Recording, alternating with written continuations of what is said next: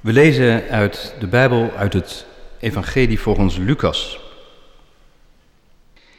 Eens was Jezus aan het bidden en toen hij zijn gebed beëindigd had, zei een van zijn leerlingen tegen hem: Heer, leer ons bidden, zoals ook Johannes het zijn leerlingen geleerd heeft. Hij zei tegen hen: Wanneer jullie bidden, zeg dan: Vader, laat uw naam geheiligd worden en laat uw koninkrijk komen. Geef ons dagelijks het brood dat wij nodig hebben. Vergeef ons onze zonden, want ook wij zelf vergeven iedereen die ons iets schuldig is. En breng ons niet in beproeving. Tot zover de woorden uit de Heilige Schrift. Beste mensen, woorden die heel bekend moeten klinken in de woorden van het Onze Vader. Jezus schenkt een gebed aan zijn leerlingen en dat is niet uniek. Niet dat hij een gebed schenkt is niet uniek, maar ook de tekst op zich niet zo. Wetenschappers en vooral ook Joodse schriftgeleerden hebben ontdekt dat veel van het Onze Vader voort is gekomen uit bestaande Joodse gebedstradities. En er zijn ook andere voorbeelden uit de tijd van Jezus, van leermeesters of rabbies, die hun leerlingen een gebed gaven. En er werd al even op gehind. Als u goed geluisterd heeft, dan hoorde u dat de leerling die aan Jezus een gebed vroeg, leer ons bidden zoals ook Johannes zijn leerlingen heeft leren bidden. Het was gebruik dat een leermeester een gebed opstelde dat zijn leerlingen konden bidden. Een soort discipelgebed of leerlingengebed zou je kunnen zeggen. En er zijn er meer bekend uit de tijd waarin Jezus leefde. Maar het kenmerkend voor dat gebed van Jezus is wel dat het vrij kort is.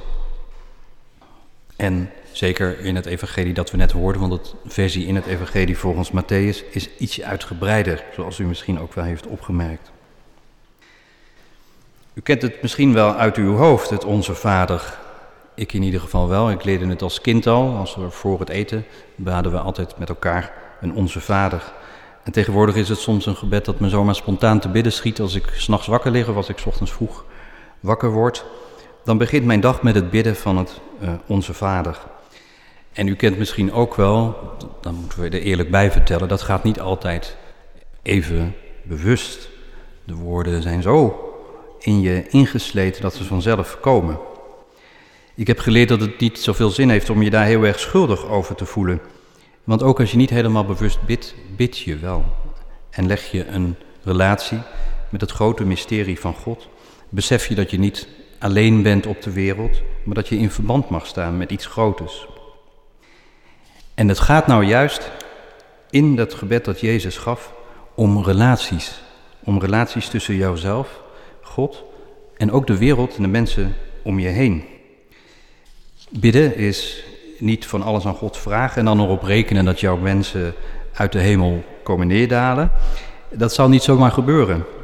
En zeker niet soms op de manier waarop je zou willen of verwacht.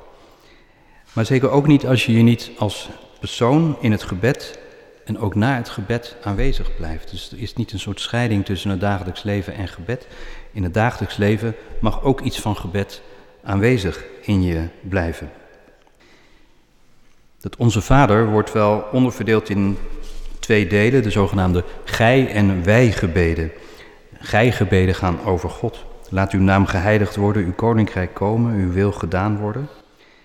En andere gebeden gaan over ons. Geef ons ons dagelijks brood. Vergeef ons onze schulden. Breng ons niet in beproeving. Al deze losse onderdelen van het Onze Vader lijken slechts een vraag aan God.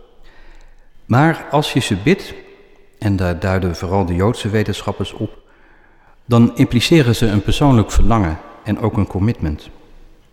Want de naam van God heilige, dat betekent willen erkennen dat er zoiets is als een hoger zijn, een mysterievolle kracht dat heilig is. En als je zegt, uw naam worden geheiligd, dan betekent het zelf ook willen bijdragen aan de eerbied voor God en voor de schepping. Of van het koninkrijk, waar we om bidden, zegt Paulus, het koninkrijk van God, dat is gerechtigheid, vrede en vreugde van de Heilige Geest. Dus als wij bidden, laat uw rijk komen, dan houdt het dus ook een opdracht in om keuzes te maken voor gerechtigheid, voor vrede. En dat kan ons dus ook leidend zijn in ons dagelijks leven. Welke keuzes maak ik? Leiden die tot meer vrede, tot meer gerechtigheid? En zo ook is het gebed om het dagelijks brood een aansporing tot een houding waarin je erkent dat het leven een geschenk is en dat niet alles ons zomaar toevalt.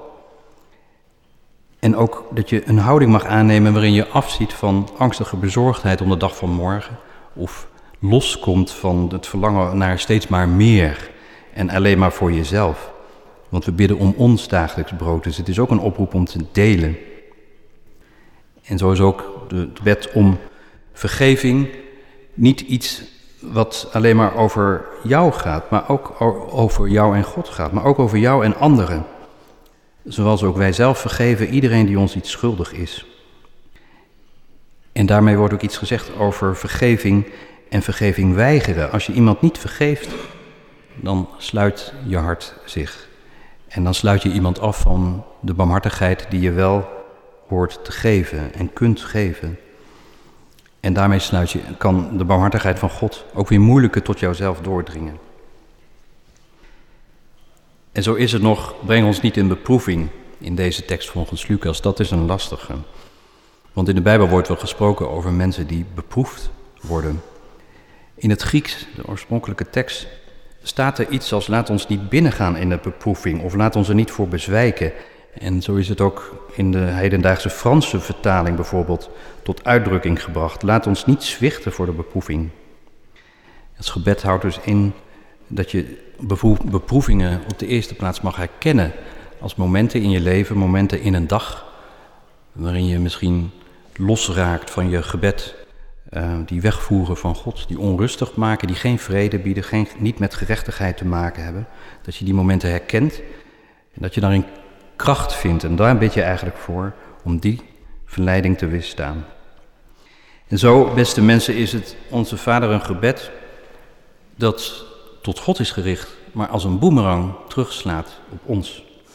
Het gebed opent een ruimte waarin God, de wereld en de mensen om ons heen en ook wij zelf een plek hebben en moeten hebben. Als een van die drie ontbreekt, dan is de spanning weg. En het is juist de kunst in geloof en leven om het in die spanning te kunnen uithouden en te durven zoeken.